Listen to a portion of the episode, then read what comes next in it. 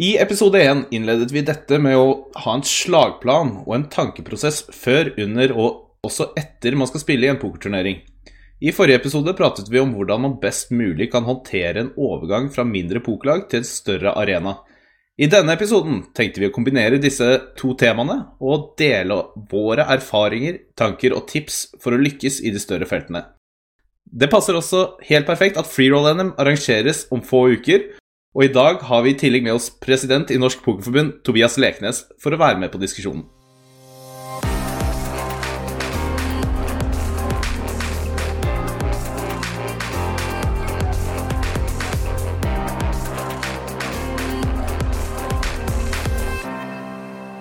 Velkommen, Tobias. Tusen hjertelig takk for det. Alle mine drømmer om å få være med på Heads Up med Heidi og Oskar kommer eh, fylles i dag. Strålende.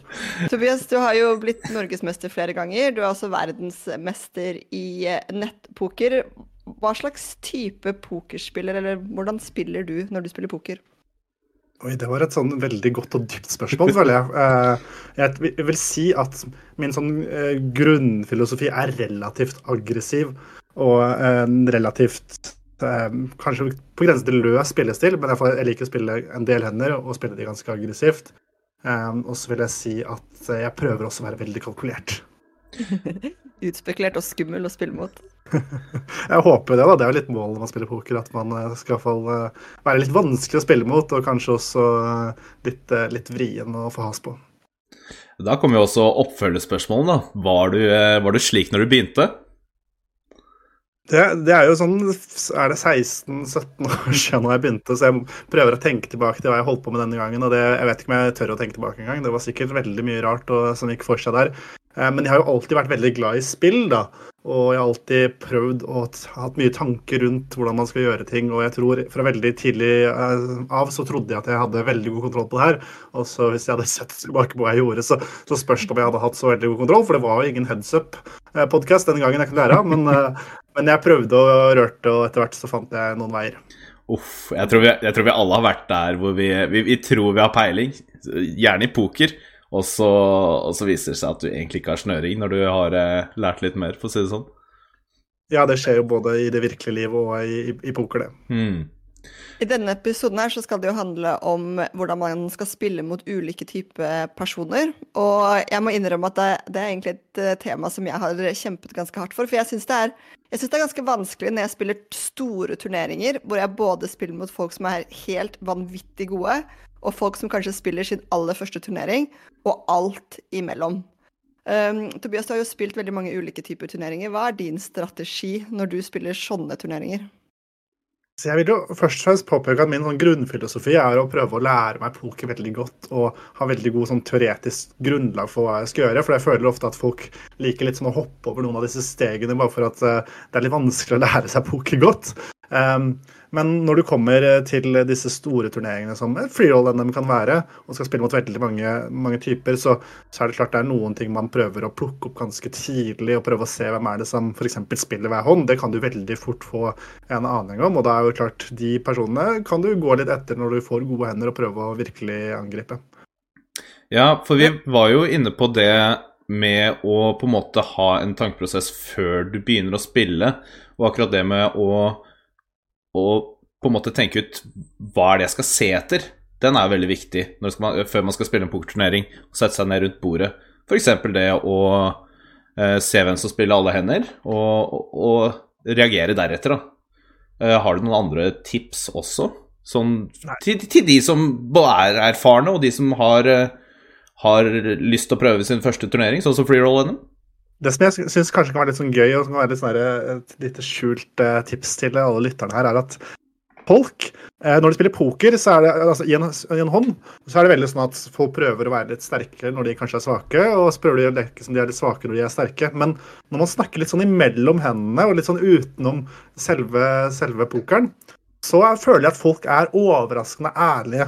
Så hvis det kommer noen og forteller om hvordan de har tatt seg fri fra både kone og barn den kvelden, og nå gleder de seg til en lang kveld med poker, og de skal i hvert fall ikke ruke den første hånda, da kan, du, da kan du godt prøve å bløffe de i en liten stund der uten å være veldig redd for at de skal syne deg med noe annet enn nuts. Det, det, det, var et veldig godt eksempel, faktisk, og jeg har brukt den der veldig mange ganger. Altså, det at folk rett og slett De har kommet fysisk møtt opp et sted for å kose seg hele kvelden. Og da har de ikke lyst til å ryke på level 2, level 3, eller involvere seg i store potter. Og det er jo selvfølgelig altså, kjempehyggelig at folk har lyst til å spille og kose seg, men eh, bruk det til din fordel som spiller også, altså. Hvis du, hvis du har den informasjonen. Men Ja. mener, dere, mener dere da at de som gjør det, er folk som ikke spiller så ofte? Og som dere derfor kan utnytte på den måten? Er det liksom en slags sånn tell når man sier den type ting? Ja, men det kan også være at dette er en stor anledning for dem. At de spiller egentlig ganske ofte, men at nå har de liksom for en gangs skyld dratt og tatt seg en ordentlig en, en, Kanskje satt av en hel helg for å spille, ikke sant? Mm. Da kan det påvirke de ganske annerledes enn de hverdagsturneringene de spiller hjemme med vennene sine, f.eks. Så det, det er mange forskjellige varianter, og det, det kan jeg også oppleve når jeg spiller litt større turneringer. At her er det kanskje noen som har vunnet en satellitt, og skal spille den turneringen her for første, eller en turnering på den størrelsen da, for første gang. Og da er det klart, da er det fort gjort at man har et litt annet mindset da, enn man har i turneringer man er mer vant med og mer, mer kjent med. da. Dere to er jo ganske gode pokerspillere begge to. Uh, så jeg lurer på, når dere setter dere ned ved et bord, er det sånn at dere alltid tenker sånn Ja, ja, jeg er best ved det bordet her? Um, Godt spørsmål. jeg, jeg, kan, jeg kan svare på den. Jeg tenker sånn, jeg har den tankeprosessen at uh, Jeg tenker ikke at jeg er best, men jeg har veldig lyst til å finne ut hvem, hvem som er best rundt bordet. Øh, og hvem som eventuelt er svakere spillere. Jeg har lyst til å på en måte sette folk litt i bås og klassifisere dem relativt tidlig da, for å vite hvem, hvem jeg ønsker å unngå å spille potter mot, som kommer til å putte meg i vanskelige situasjoner, øh, og hvem som ikke gir så mye motstand i form av eh, at de racer trebetter mye, eller putter meg i rett og slett vanskelige situasjoner og spots. Når jeg oppdager folk, spesielt når jeg spiller Hold'em, da, som er et spill jeg ikke spiller like mye lenger som jeg en gang gjorde, så kan jeg være litt sånn at jeg, jeg ser hvem som har peiling, og jeg legger fort merke til ting som jeg gjør at jeg tror de er gode, men da får jeg også litt lyst til å krangle med dem og liksom vise at du kan, ikke, du kan ikke pushe over meg. Eller, altså, du blir litt sånn sta også, tror jeg. Det er veldig fort gjort. Det, det er vel en liten felle man kan havne i også. for Det, det ser jeg gjentatte ganger at uh, i turneringer hvor, uh, hvor eh, jeg spiller litt løst, eller hvor folk syns at jeg spiller litt rart eller litt dårlig, så kan det veldig ofte være at de prøver å ta igjen, men de tar igjen på ekstremt dårlige måter. Og det er jo litt sånn man må prøve å unngå den, den fella der, da. Fordi at hvis du tror Nei, Hvis du tror at du kanskje skal straffe han som spiller litt for mange hender, ved å selv begynne å spille veldig dårlige hender, og drive og syne mer og bare spille veldig passivt, men hele tida være involvert, så ender det veldig, veldig ofte opp eh, med å fungere dårlig. Det som fungerer veldig bra mot en som spiller mange hender, det er å spille selv. Ikke noen flere hender, kanskje enda litt færre hender til og med, men når du spiller de, så upper du aggressiviteten din. Da gjør du det Da høyner du litt oftere med litt mer, mer, mer av de middelsterke hendene. Du racer kanskje på floppen litt oftere, så du, du bare gir mer motstand, for det er mye større sjanse for at det kommer til å lykkes. Mm. Når du sier middelsterk hånd, hva mener du da? Kan du gi et konkret eksempel? Nei, for eksempel eh, La oss prøve, da. Du er på button med eh, S-knekt offsuit, og så har denne personen høyna i, i hijack, som er da to posisjoner til høyre for knappen. Da er det kanskje fristende mot mange å bare syne, mens mot en som spiller ekstremt mange hender, så er det bare å huske å tenke på at han har ekstremt sjelden S-knekt slått, og så kan vi spille den aggressivt uten å være så redd for at han skal ha en hånd å slå tilbake med og fighte tilbake med. Og mange av disse her som spilte ganske mange hender, de er ikke så interessert i å drive og havne i en veldig marginal situasjon med en, med en dårlig hånd allikevel. Så da tar du initiativ i potten, og du setter virkelig press på alle disse her eh, 10-7 suit og S7 off-suit og disse hendene som folk driver og høyner når de skal være litt løse. Ja, det er ve veldig gode tips her. Eh, absolutt, og jeg må si meg veldig enig. Det er et veldig interessant tema, det, rett og slett. Når du Det er ikke bare det å få informasjon som rundt bordet, men å kunne bruke den og vite hvordan du skal reagere til uh, f.eks. en som spiller mange hender. Det er ekstremt viktig. For hvis du bruker informasjonen du får rundt bordet feil, så kan jo det hjelpe, eller rett og slett gjøre at du du ryker ut tidligere eller gjør enda større feil selv. Sånn som Tobias sier at eh, ja, han spiller mange hender, så nå skal vi spille, spille mange hender og ta han. Det er ve veldig feil svar på situasjonen, på regnestykket. jeg kan kjenne meg veldig igjen i det, at jeg føler at det sitter en sånn Altså en slags mobber, men det er jo på en måte ikke det. Det er jo egentlig en aggressiv spiller, men som driver og hamrer løs. Som sikkert har plukket ut de litt svakere spillerne, og så sitter og hamrer løs på de, racer hele tiden, legger masse press, vinner masse potter, og pleier også etter hvert å ofte bygge en ganske stor uh, stack med, med skjetonger. Og så er det ofte at det er Jeg kan kjenne på det selv, at jeg blir sånn åh, jeg er så sykt lei av at den personen alltid racer, eller alltid byr når jeg, ha, når jeg, når jeg er med. Uh, og så vil jeg prøve å ta litt igjen. Men det lønner seg liksom Det funker aldri. Det ender alltid med at jeg går på en eller annen kjempesmell fordi jeg ikke har gode nok hender, og at den andre personen kaster når jeg faktisk har noe bra, da. Så et, et, poeng som jeg syns er veldig viktig for folk å tenke over, det er at vi, vi må være litt forskere. Vi, vi, kan ikke drive og ta hva som helst vi får av um, evidenser og ta, putte det i en retning og bare tro at vi vet noe. For det er ikke slik at hvis folk spiller litt mange hender, at de garantert eh, faktisk spiller masse forskjellige hender. Det kan jo bare være at de har fått et veldig eh, høyt kortsnitt. Et klassisk eksempel er hvis noen har høyna på din big blind fire av de fem siste gangene så tenker du at det, det, er så utrolig vilt at de bare går etter min bibland nesten hver gang. Mm. Og så har du sittet der. ikke sant? Det her er kanskje godt over en 40-50-60 minutter. det her. Så du føler liksom at nå har jeg sett en stund at dette er en tendens. Men fem hender det er jo ingenting hvis du skal drive med statistikk. Altså, det, ja. du, det, kan bare være at den personen faktisk fikk fire ganske spillbare hender de gangene du var big blind, og så ender du opp med å overjustere. Og Det er, det er flere sånne eksempler. For eksempel, hvis en fyr høyner hånd nummer fire på rad, så tenker du nei, det går ikke an å, å ha en hånd for fjerde gang på rad. Men jo, det går an. og Det kan også være at han hadde en marginal hånd før, men at nå har han faktisk en god hånd den fjerde gangen. Så jeg liksom ikke, ikke ta litt for små ting, små detaljer, og plukke det opp og gjør ekstremt store forandringer i spillet ditt. Tenk at du skal justere gradvis, og du skal observere over litt tid. Og hvis du ser en person har spilt opp med en elendig hånd, som du får se ved showdown, altså på, etter at hånda er spilt ferdig, så kan du begynne å gjøre noen antakelser. Men ikke antakelser bare fordi at en person har høyna noen få ganger, og du har lagt merke til det kanskje litt ekstra godt. Ja, en, en, annen ting som også er veldig viktig å bemerke seg, spesielt i sånne store turneringer, de har veldig god struktur, du har ikke dårlig tid. Det er ikke en sprint, det er en maraton. De spillerne som spiller veldig mange hender, og kanskje potensielt bygger veldig stor stack i starten eller midt i turneringa, de kommer til å gå på en eller annen smell hvor de møter en sterkere hånd, og de spiller en unødvendig stor pott og ryker, øh, ryker nesten hele stacken. fordi det er en grunn til at poker er som det er, at man skal spille de sterke hendene og de hendene og de hendene fra de posisjonene. Og det er fordi at variansen kommer til å catche opp med deg hvis du spiller altfor mye rør av hender. Så jeg vil også si det at ikke, ikke, prøv å straffe han som er aggressiv. Ja, vi kan, vi kan, straffe han av og til, men vær tålmodig. Du har kjempegod tid. At han spiller mot de svake spillerne og plukker opp blinder og anter og eh, litt mer enn det, eh, oftere enn det du gjør, betyr ikke at du trenger å legge deg på hans eh, gir, på en måte. Du har kjempegod tid, og prøv heller med å straffe han med å høyne dine sterke hender litt ekstra, sånn at han eh, kommer i litt eh, tyngre spots mot deg, da. Sier ifra at eh, vi kan godt klinsje, men eh, når jeg klinsjer med deg, da, da har jeg the goods. Du sier jo 'han'. Er det fordi at det ofte er menn ja, det, som skal vise fjerne her? Det, det verste er at jeg tok meg selv i å si 'han'. Jeg mente han eller hun, altså, men ja, det er veldig ofte jeg merker at uh, menn har et aggresjonsnivå mer enn kvinner, uten at vi skal uh, kategorisere det for mye. det, er, det, er, jo et gøy tema i seg selv, det også. For at når man spiller poker, så er man veldig stereotypisk.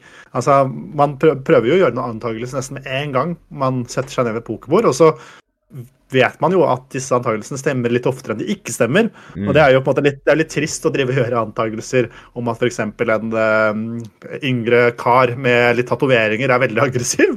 Men det har bare vist seg å stemme litt oftere enn det de ikke gjør. Da. Og så er det, er det, jo enda kulere hvis du kan være en, uh, en dame eller en kvinne og være ekstra aggressiv og ta mannfolka med storm og lure de litt. Ja. Jeg merker jo det når jeg spiller eh, Når jeg spiller åpne turneringer, så er det jo som regel Altså, det er det er veldig sjelden at det er mange kvinner rundt bordet. Kanskje det er én til, eller som regel så spiller jeg også rundt bordet med at det er nesten bare menn. Uh, og da har de veldig respekt for meg, fordi de har eh, en sånn tanke om at siden jeg er kvinne, så uh, spiller jeg bare S-par og kongepar og S-konge omtrent. så de kaster så mye, og det utnytter jeg. Og så spiller jeg ladies-turneringen i samme NM, f.eks. Og der er det ingen som kaster når jeg racer. Fordi der, der vet jeg at det, det de, noen, de tenker ikke at kvinner er sånn som spiller um, mye mer forsiktig. Så det er veldig vanskelig omstilling, akkurat det der. Men det er jo et interessant tema, det òg. Fordi det, det, handler om å kjenne sitt eget image rundt bordet. Og bare det at jeg er kvinne og kan sette deg ned rundt et bord og få allerede et stempel eh, Det, det gjelder jo å spille litt på den nå, da, rett og slett. Eller at du er en yngre fyr med tatoveringer, eller at du er en fyr litt oppi åra som alle tror spiller bare supersterke hender. Det, altså, det er jo som Tobias sier, at eh, man setter folk litt i bås og stereotypiske situasjoner etter man har spilt en del ganger, da, rett og slett. Så Vi har jo vi har snakket litt om hvordan vi spiller, eller hvordan vi bør spille da, når vi møter en som er ganske aggressiv og som, eh, som, ja, som går på. Men eh, la oss si det kommer en person som du ser liksom Det er en, en person som skjelver litt, grann, eh, setter seg ned, ser seg litt rundt, eh, klarer liksom ikke helt å sette skjetongene riktig. Du skjønner at dette her er eh, antageligvis en av de første store turneringene denne personen spiller. Denne personen er kjempenervøs og antageligvis ganske ny.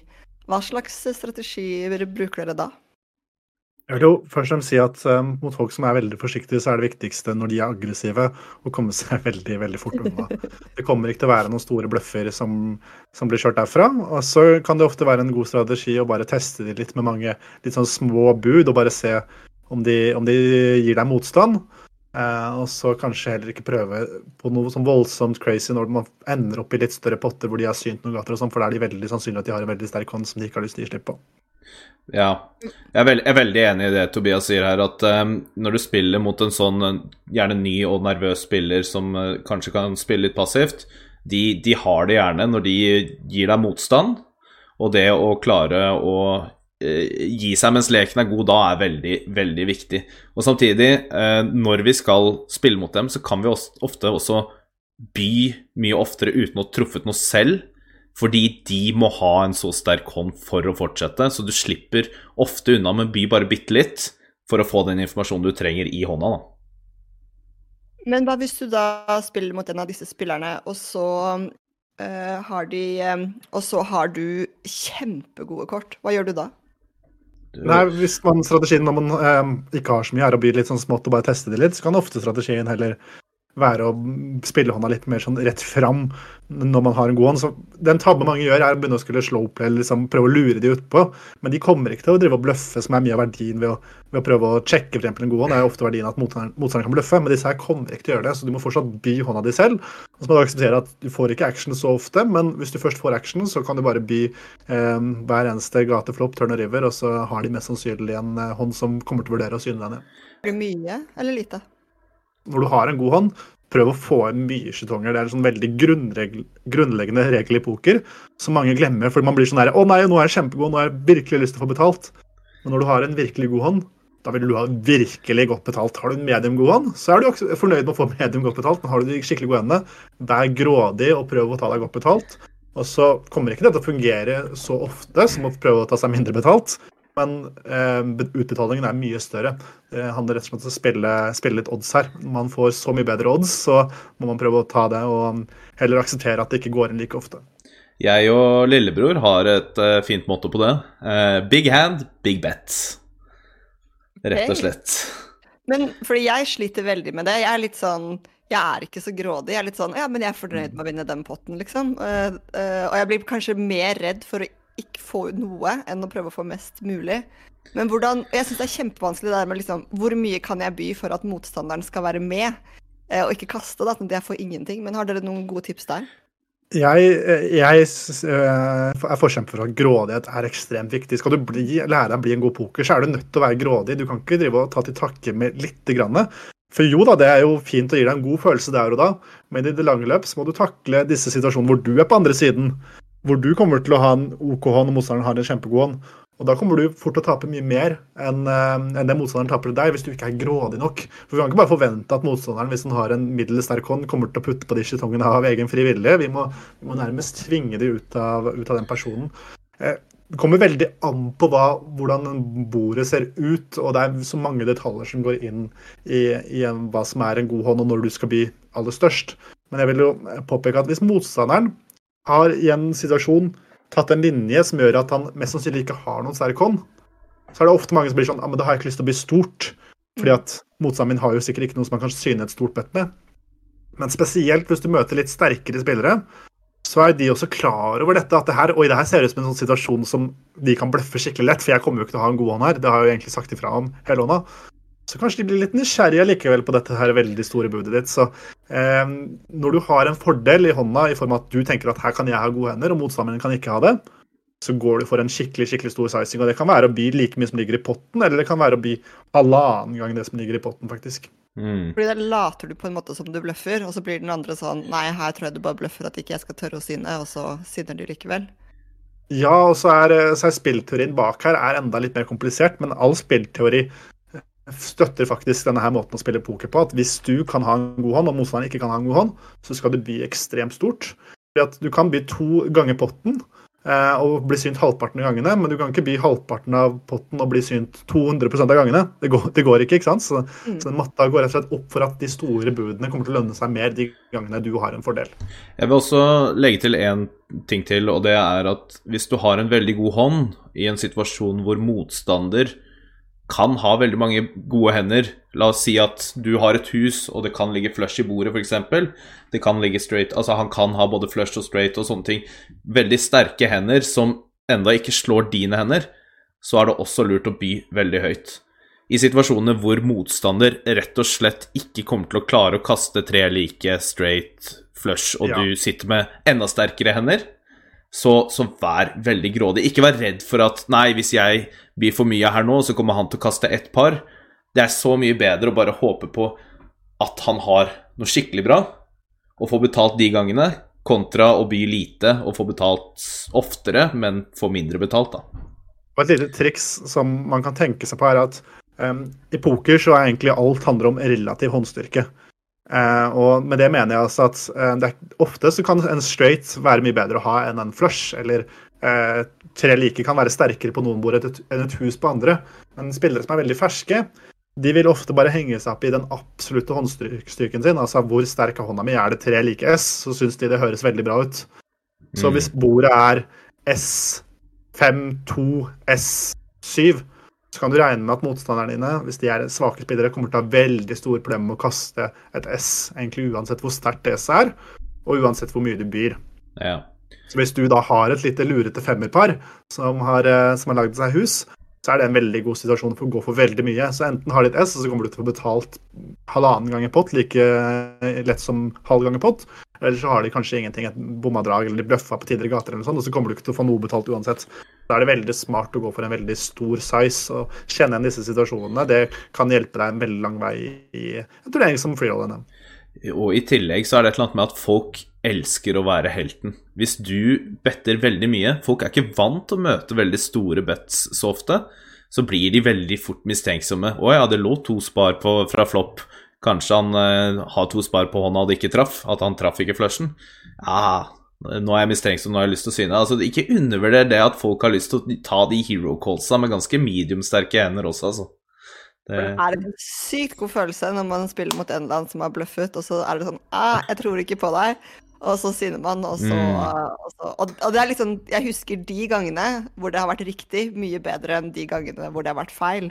mm. Så, så ja. Men jeg noterer, jeg elsker sånne leveregler. Så det er vær grådig, big hand, big bet. yep. Og det gjelder uansett hvilken spilletype du spiller mot, eller, um, eller er det litt sånn Jeg vil, jeg vil svare at ja. Jeg, du burde ha veldig gode grunner for å, for å velge noe annet. Så jeg, jeg tror det er en veldig god regel å, å gå etter, altså.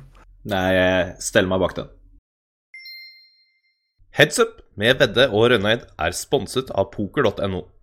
Alt du skulle trenge av utstyr og nyheter angående poker i Norge. Men vi kan jo også bevege oss litt videre. Fra episode 1 så har jeg jo gått innom det at vi skal ha en slagplan på forhånd.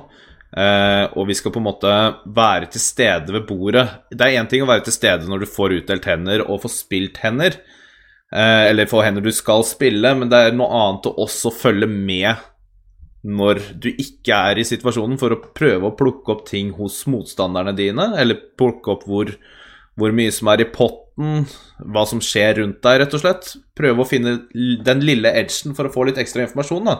Så tenkte jeg kanskje vi skal gå gjennom et par sånne tips som du som lytter kan eh, tenke litt ekstra over når du skal inn i din neste store pokerturnering. Jeg tipper veldig mange For veldig mange så er det freeroll-NM. Uh, hva tenker dere om det? Ja, gjerne. Veldig gjerne. Gjerne som huskeregler, sånn at det bare er å finne fram penn og papir, og så skrive, og så ha en sånn lapp på lomma, ja. i lomma som man kan se på av og til. Men vi kan jo starte veldig grunnleggende, og da har jeg lyst til å si det at husk igjen, husk det at en stor turnering, sånn som freeroll NM, du vinner ikke turneringen på level 1, 2 eller 3. Det er to dagers. Du, Det er en maraton, ikke en sprint.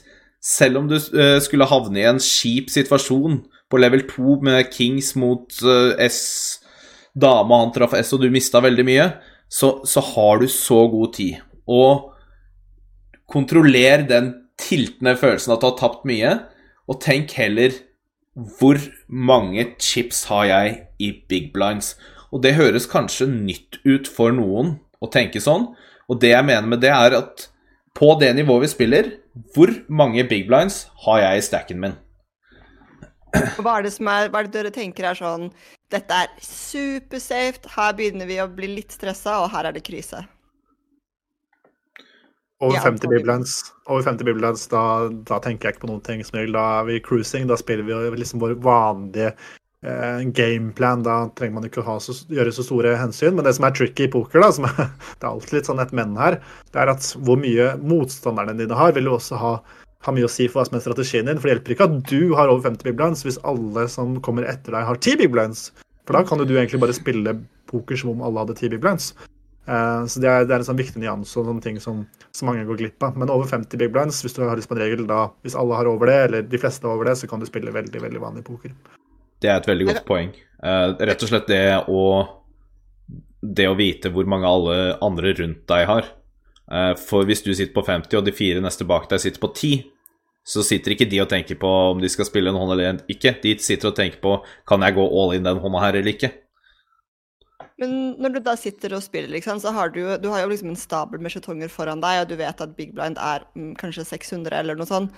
Men uh, har dere noen tips til å på en måte raskt finne ut av hvor mange Big Blinds man faktisk har, annet enn å sitte og telle og, og, og dele på, da, på mobilen?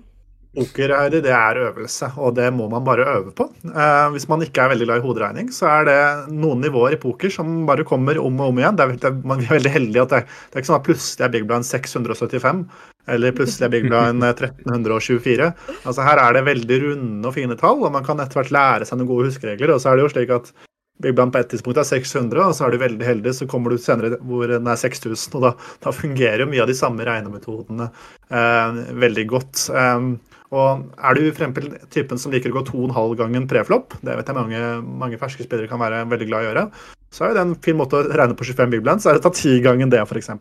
Du har noen sånne, sånne måter, men der må folk finne sine egne metoder, og så må man bare øve. fordi poker er et spill hvor detaljene har noe å si, og har du lyst til å bli best mulig, så må du prøve å lære deg mest mulig av disse detaljene.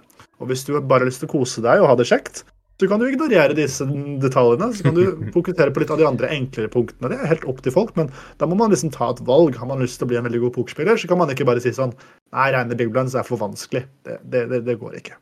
Det er det som gjør poker så nydelig også. Ja, så er det veldig godt tips dere sier. For jeg husker um, et, altså, Det er ikke liksom kanskje et par år siden jeg begynte å regne i big blinds istedenfor i skjetonger, og det gjorde altså det er det derre psykologiske. Det er det derre mm. fordi du ser på skjetongene til de andre, så er det sånn Å, min stabel ser mindre ut enn dem. Men så har du egentlig kjempemasse, og det er ikke noe problem. Så det, det, er egentlig et veldig godt tips man burde lære seg helt, helt fra begynnelsen av. For å slippe den derre stresset, og at man begynner å gjøre dårlige, dårlige vurderinger pga. det. Mm. Ja, så lærer man seg veldig fort at alt er relativt. Jeg snakka om det i stad med, med, håndstyrke, og det er også med big blinds. ikke sant? At det har ikke noe å si hvor mange nuller som står på disse skjetongene. Det som har noe å si, er hvor mye kan du vinne relativt til det som ligger der ute. Og det som ligger der ute fra start, de er jo big blinds, ikke sant? Det er en big blind i ante, og så er det en big blind fra storeblind, og så er det en halv blind fra lilleblind. Det er det du kan vinne. Det er det, man, det er det, som er grunnen til at man spiller hånda i det hele tatt. Hvis man ikke hadde hatt noe av disse forserte innsatsene, så kunne man sittet og ventet på aces alle sammen. Men det går ikke. Derfor er, er relative, de relative størrelsene er det som teller. og derfor også Når jeg snakket om budstørrelser i stad, så sa jeg, ikke, jeg ikke sånn ja, Hvis du har en virkelig god hånd, så blir det 100 000. For det er bare tull å si et, si et halvt som det. ikke sant? Vi må snakke i forhold til antall big blinds og i forhold til potten. Mm. Og det leder meg over på neste tips til hvis du har lyst til å ha noe ekstra å følge med på som du ikke er så sterk på, så er det det å følge med på hvor mye som ligger i potten til enhver tid. For som Tobias sier, det har jo ingenting å si uh, Du kan ikke by 100 000 med Aces bare fordi du får Aces. Du må se hva som er i potten, og så må du by et bud i forhold. Så, og det å vite da hele tiden hva som er i potten, det er veldig viktig. Og det er noe, veldig mange som sitter rundt bordet og ikke tenker så mye over det, og bare slenger ut uh, et visst antall chips og bommer helt. Tenker at de byr 70% av potten, og så er de nærmere 40% fordi de ikke har telt med forskjellige ting. En klassisk ting du kan se det på, hvis du møter en nybegynner i poker, så vil den veldig ofte satse det samme på flop, turn og river. Uh, I hvert fall på to av disse gatene. Man byr 5000 på turn, og så byr man 5000 på river. Mm. Og Det vil du nesten aldri se en proff spiller gjøre. For at det, eh, på turn så betta du kanskje da 5000, og så var potten på 10. Og da er potten på 20 000 på river, og da vil kanskje en proffen velge å by 10 000, eller kanskje litt mer, men det er noe litt sånn um, konsist det er, det er en rød tråd mellom disse gatene her, og det er størrelsen til potten og den relasjonen til forhold til, bud, eh, til budet du kommer med. Ja. Og da, da, må man prøve å tenke på det her istedenfor bare Nei, 5000 virka som passelig. En liten jetong. Det, det virka logisk for meg å by. Det er, det er veldig fort den tankegangen mange ferske har. Jeg kan jo kanskje ta og korrigere meg selv litt der også, for jeg er veldig fan av det å finne ut av hvor stor prosentandel av potten har jeg lyst til å by. Uh, og, og, det å vite hva som er i potten, er viktig, men også det å Når vi har snakka store og små budstørrelser, så snakker vi jo gjerne i forhold til potten. Så det å tenke sånn Nå skal jeg bli stort på flopp. Da har jeg lyst til å legge meg rundt 70% Da må vi vite hva 70% er. Nå har jeg lyst til å bli lite. Da holder det med kanskje 30% Eller den gode gamle halv pott. Hva er egentlig halv pott? Uh, bare rett og slett for å øve seg på det og være mentalt til stede, da alle de der småtingene som Tobias snakka om, som kan gi deg den lille edgen rundt bordet.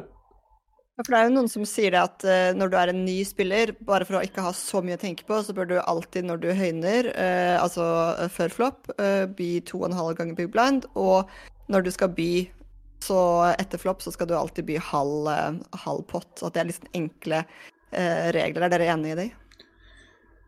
Veldig simplifisert. Ja, veldig simplifisert, egentlig. Uh, men det, men det er jo et, et, et, sted å starte, ja, uten tvil. Helt til man hører ja. på uh, budstørrelse-episoden av ja. Fordi da er ikke det lov mer. Etter at du har hørt den episoden som kommer, da er det helt forbudt å bare by, eller å by 50% på alle potter. Så er det noe med det, det er jo den avveining i poker. Etter hvert så kan man jo fryktelig mye teori rundt poker, og det, det utvikler seg nesten, uh, nesten daglig, denne kunnskapen man har om poker. Og så er det veldig mange ulike strategier som man kan innføre i poker. Og så er det en kontinuerlig debatt om hvor mye skal man lære seg av en mest mulig avansert strategi med flest mulig måte, muligheter, versus skal man prøve å ha en sånn litt enklere strategi med færre muligheter, men som man kanskje klarer å utføre på en bedre måte. Og Det er der man måte, står også som nybegynner, i et valg mellom å prøve å spille en veldig enkel strategi og så uh, konsentrere seg om å prøve å naile den strategien, eller man har lyst til å prøve å dykke dypere, ha en vanskeligere strategi. Det kan ofte bli veldig mye kluss i starten hvis du skal prøve å gjennomføre en veldig avansert strategi, og så ender du opp med bare, bare røre rundt. Ja, absolutt, absolutt. Um, og, og, det er et eller annet med at du må lære deg det grunnleggende før du kan bygge videre. Og, og, det å bare forstå det, sånn som du sa der, Heidi. Start med å race to og en halv gangeren, og så better du halv pott etter flopp. Og så kan, kan, du bygge videre på det etter hvert. Mm. Uh, men det er så mye å ta inn i starten av en uh, pokerkarriere som ja, hobbykarriere at uh, gjør det så enkelt som mulig for deg selv. Og du kan komme ganske langt ved å bare ha disse enkle strategiene eh, som, som, du da lager deg. Ved, ved, å bare ikke overkomplisere. Ikke, ikke mm. tenk at jeg skal lære meg alt av poker på en uke, og så skal jeg gå og vinne NM. Det er ikke helt sånn det funker. Men du kan lære deg enkle konsepter som du kan ha eh, litt sånn mentale notater på, og du kan komme ganske langt. Jeg tror nok ikke du kommer til å vinne på første forsøk, men du kan komme ganske langt ved å bare lære deg grunnleggende teori. Hvor mange forsøk trengte du, Askar, før du vant NM? Ingen kommentar? Nei da, jeg, det var vel mitt tredje NM som jeg deltok på. Men eh, det var ja. andre gang jeg Eller andre NM jeg spilte en NM-øvelse.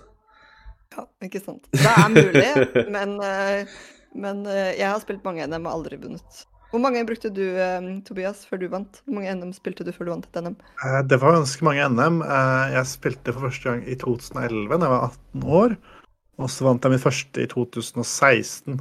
Men jeg vil også da skryte på meg at det var første gang jeg spilte den øvelsen, for da ble jeg norgesmester i 8 Game. Det var, men det var mitt, mitt første forsøk, og de to årene etter at jeg vant, så var det også noen som vant på første forsøk eh, med å spille eh, 8 Game. Så det er absolutt muligheter, og det er jo det er jo litt fordi det er så mange som prøver for første gang, da, heldigvis i poker. Det er mange som oppdager denne fantastiske tankesporten og som har lyst til å teste. Da er det klart, da er det jo da er det bare statistikk da, at av og til så lykkes de. For det er ikke sånn at du nødvendigvis har så ekstremt mye dårligere sjanser enn alle de andre hvis du har gjort litt forarbeid og lytta til uh.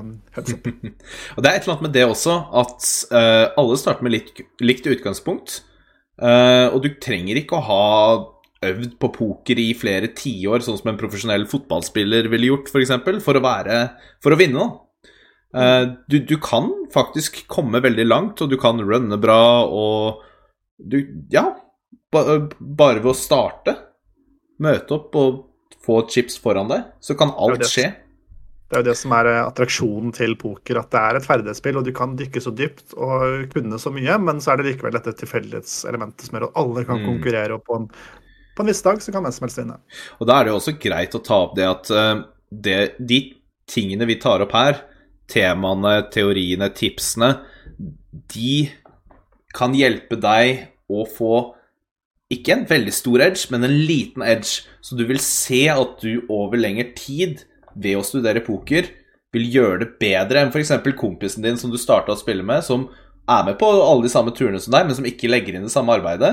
Du vil liksom havne i veldig mange situasjoner hvor du ser at du forstår bedre enn uh, denne vennen din, og, og også klarer å manøvrere enklere, da. Og over tid vil se bedre resultater. Altså, dette det er så interessant, og det er så mye å lære. Og vi har jo allerede brukt ganske mye tid, men uh, altså, vi prøver jo å holde episodene litt kortere. Men er det noe mer vi må si, liksom sånn supre tips som eh, de som hører på, må få med seg før de skal stille opp i, eh, i eh, gratis-NM? Jeg, jeg har lyst til å gå innom én ting til, og det er altså Poker handler mye om å bygge en historie som er, uh, som er til å tro på. Gir det mening, det du prøver å fortelle motstander gjennom uh, budstørrelser, uh, preflop, eh, spill, hva som traff bordet? Gir det mening at du den hånda du prøver å representere, ville du spilt den på den måten du gjør? Um, og da vil jeg gå litt motsatt. Hvis du sitter på andre enden, så vil jeg gi tips og se etter mønster hos motstander som kan tilsi om de er svake eller sterke. Og da går vi litt inn på den med å plukke opp reads hos motstandere. Uh, jeg veit at Tobias, du, du er ikke så veldig fan av den live reads-delen. forklarer hva reads er, da. Altså, det Reads er liksom tells, altså det du kan plukke opp hos motstander som kan tilsi om de er svake eller sterke. Og da var jeg inne på bettingmønster. Uh, det kan være kroppsspråk. Det kan være uh, Er de veldig passive når de har veldig sterke hender? Er de aggressive når de eh, har drag? På en måte legger de masse chips i potten hver gang de har drag, og så prøver de å slowplaye når de har aces. Eh, er motstander i det hele tatt kapabel til å bløffe i den situasjonen jeg befinner meg i? Altså, jeg er veldig fan av det å lage hypoteser eh, når jeg sitter rundt et pokerbord. Og hvis det kommer til showdown, altså at motstander må vise opp hånda si, så har jeg Oi, her, her tror jeg han var svak. Han hadde en veldig, veldig dårlig holdning i kroppsspråket. Han bettet veldig lite. Eh, så ikke veldig happy ut. Altså Magefølelsen min sa at han var svak. Og, og når han da viser opp, og så ser jeg oi, han hadde jo ingenting, han var bare ute på tur, så, så, så kan jeg på en måte mentalt notere meg det til neste gang jeg ser samme type tendenser hos motstander. Eh, for å da på en måte håpe på at det er et lignende scenario hvor han også da har en veldig svak hånd. Jeg husker jeg fikk høre en gang at jeg ofte lener meg bakover i stolen når jeg har gode kort. Nesten som jeg blir litt sånn sjokkert over hvor, hvor gode kortene mine er. Så nå prøver jeg desperat å sitte rett i ryggen hvis jeg ser ned på noe, noe bra kort. Da vil jeg gjerne komme med en liten sluttappell. Jeg vil jo først og fremst påpeke for alle som vurderer å ta turen til Freehold-NM, og alle som har begynt å lære seg poker og syns det er spennende at poker er for de aller fleste først og fremst veldig gøy.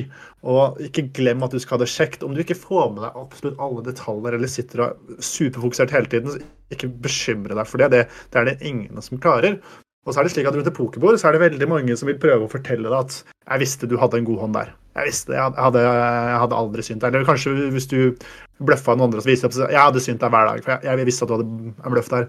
Eller kanskje du viser opp en bløff, og så sier de sånn 'nei, men jeg hadde dårlig hånd der uansett'. Det er sånn veldig sånn Mange som har lyst til å ta fra hverandre litt sånn gleden. og det, det, er bare sånn rent psykologisk det funker rundt det pokerbordet, nærmest. At andre vil prøve å heve seg over deg, og det er litt, litt sånn kamp som er helt ubevisst hos folk. Eh, så for det første, ikke vær sånn at du driver og tar fra de andre gleden, men husk at ikke bli så stressa. De andre kan ikke lese deg som en åpen bok. Og noen tror kanskje at de visste akkurat hva du hadde, men de visste ikke. De gjetta, og de hadde flaks denne gangen. Mm. Prøv å kose deg og nyt når du skal spille poker. Da kommer du til å komme mye lenger, og du kommer til å vare mye lenger i pokerverden. Veldig gode tips. veldig gode tips. For uh, vi må huske det at uh, de fleste spiller det her fordi de har de har glede av å spille poker, de syns det er gøy. Og det går helt motsatt også. Vær, vær, den rundt pokerbordet som du har lyst til å møte rundt pokerbordet. Den sosiale, hyggelige fyren som, som skaper god stemning. For det er jo Eller drama. Eller, ja, der gjorde jeg det igjen. ja, vi må, jobbe litt med dette, Oskar. ja, vi må det. Vi, er det sånn for hver gang du bare sier han, så må du gi ti kroner? Ja, ja, vet du hva, det skal jeg gjøre. Det skal jeg gjøre. det er godt jeg har med meg deg, Heidi. ja. Det skal jeg også si, da, på freehallen så kommer det til å være eh, altså Jeg sier ikke at det er 50-50 med hvert sånn, men det er veldig mange damer som kommer og koser seg og spiller på freehallen. Og det er ikke noe å frykte. Vet at ofte så kan eh, kanskje damer synes det er litt tøffere å stille opp på noe man ikke har prøvd før, eller man føler seg kanskje ikke kvalifisert nok, og så har gutta litt mer sånn overdreven selvtillit som gjør at de tør å møte opp. Men dette her, dette er så ufarlig som du kan få blitt. Dette er bare en kveld med kos og moro. Og så kommer man langt, så er det en bonus, og så kommer du til å synes det er kjempeartig uansett. Jeg kan jo avslutte med det og si at uh, det er en større andel menn som spiller poker, men jeg må si det at de kvinnene som spiller poker, de gjør det bedre, etter min mening. Uh, I hvert fall de nye, enn det de nye mennene gjør. Veldig, veldig mange flinke, og det er bare å, å, å stille opp. Uh, og jeg syns altså uh, Norgesmester i gratispoker, som det da heter offisielt, vi kaller det jo free roll NM, uh, det, er, det, er, mange som kommer for første gang. Det var den første turneringen jeg spilte noen gang, og det var altså helt fantastisk gøy. Og hvis du som hører på, hører denne episoden ganske kort tid etter at den ble lagt ut, så er det da altså vi er i 2024, og NM er da 19. til 24. februar i Oslo. Så kom dit. Og kom og hils på Tobias, Oskar og meg hvis du er der, og si at du har hørt på podkasten, sånn, for da blir vi så glad. Ja, det har vært helt nydelig. Tusen takk, Tobias, for at du kom. Jeg, jeg, kjenner at jeg vil at du skal komme tilbake en gang og snakke om 8-game, for du, du, fikk det til å høres ut som det var en kjempeenkel eh, øvelse å vinne. Så... det, det, er superenkelt. Jeg lover deg at med en gang du lærer det, så kommer du til å få dilla.